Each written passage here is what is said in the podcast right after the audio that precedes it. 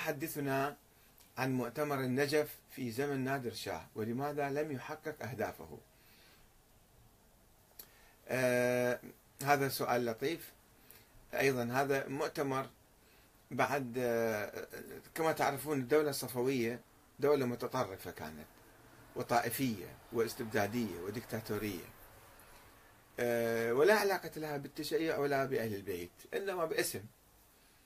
أقاموا دولة سموها شيعية. وكانوا يلعنون ويسبون الخلفاء الثلاثة والصحابة. علنا هذا من أهم شعاراتهم لعن الخلفاء. أحدثوا ردة فعل في العالم الإسلامي ضد الشيعة كلهم في كل مكان. وقامت تطلع الفتاوى بتكفير الشيعة. تكفير الشيعة أنه يسبون الصحابة. أنتم الآن تصوروا فالدولة تقوم مثلا ويلعنون الإمام علي. شنو يكون موقفكم؟ راح تلعنون علماءكم يهبون بإصدار الفتاوى بتكفير هؤلاء الذين يلعنون الإمام علي عليه السلام مثلا. طيب بعد 200 سنة هاي الدولة انهارت إجوا السنة من أفغانستان وسقطوها واحتلوا عاصمتها اللي إصفهان كانت. وصارت فترة يعني هذول الأفغان كانوا مسيطرين بعدين اجى نادر شاه. نادر شاه اجى فكر قال إيران كانت دولة كبيرة إمبراطورية وذول قضوا عليها بهالحماقات مالتهم. حماقات اللعن والسب والشتم. فقال أهم شيء عندنا إنه نرفع هذا اللعن. حتى نجمع الناس وقام بفتوحات كبيرة وصل إلى الهند حكمها أفغانستان وتركمانستان وكذا وإيران وجل العراق أيضا والخليج وصارت إمبراطورية حقيقة. نادر الشاه يسموها إمبراطور لأن كان عدة دول وفيها سنة وشيعة وفي كل هذا. فهو شاف حتى تستقر هذه الدولة ما يمكن يعطي سلاح إلى العثمانيين حتى يحاربوه بالسب واللعن بتهمة السب واللعن. فصمم على أن يرفع مسألة السب واللعن والخلفاء.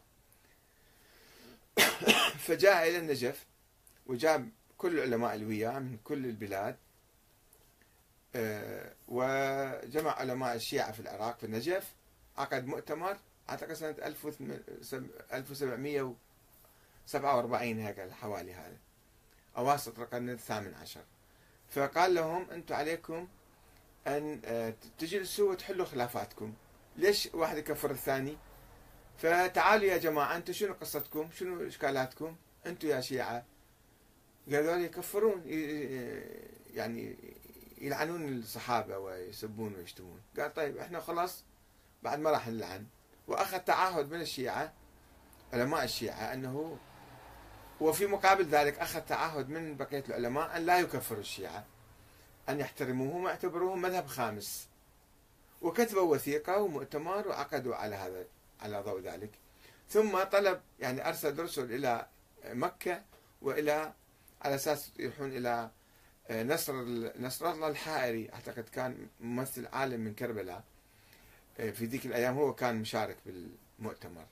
فبعثه إلى مكة حتى يشوف الوالي العثماني حتى يبعث للخلافة أنه يا تعالوا ترى صاير عندنا كذا وكذا. في اتفاق بين الشيعة والسنة وقاموا بنبذ العادات السيئة. ثم أعتقد يقال عن الأمان أتذكر جيد أنه قتل هذا في الطريق أو كيف بصورة غامضة. المهم الدولة العثمانية لم تقبل لأنها مو في مصلحتها تبقى على ذيك الأيام طبعا. تبقى على العداء والشحن المذهبي حتى آه، ولم تعترف بالمذهب الشيعي مذهبا خامسا. هو كان يريد يعمل هذا الشيء. كما في دولته أنه التشيع أو المذهب الجعفري مذهب خامس والمذاهب الأخرى موجودة والأمة الإسلامية تتوحد. ثم قتل بعد قليل. قتله أيضا ناس متطرفين لأنه رأوا في سياسة خطرة عليهم. وتفككت الدولة النادرية بعد ذلك. فهذه قصة مؤتمر النجف. ويا ريت يعاد وبصراحة أكثر وبجدية أكثر وبجذرية أكثر. معالجة الجذور. يعني ما يمكن إحنا نجمع ناس تعالوا يقولوا بطلنا منسب وما نلعن.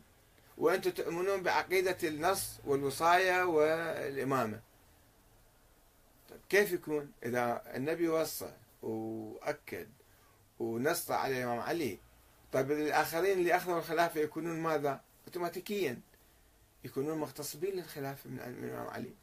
إذا فهذول شنو كانوا؟ ما سمعوا كلام النبي سمعوه.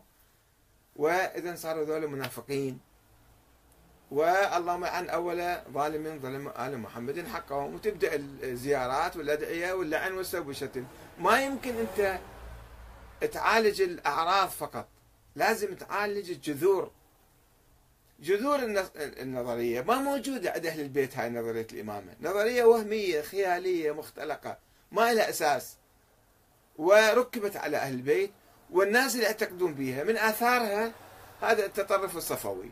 اللي له حتى الآن هذا ياسر اللعان السبئي اللي موجود في لندن. أيضا هذا قايم يسب ويعتقد هذا هو التشيع.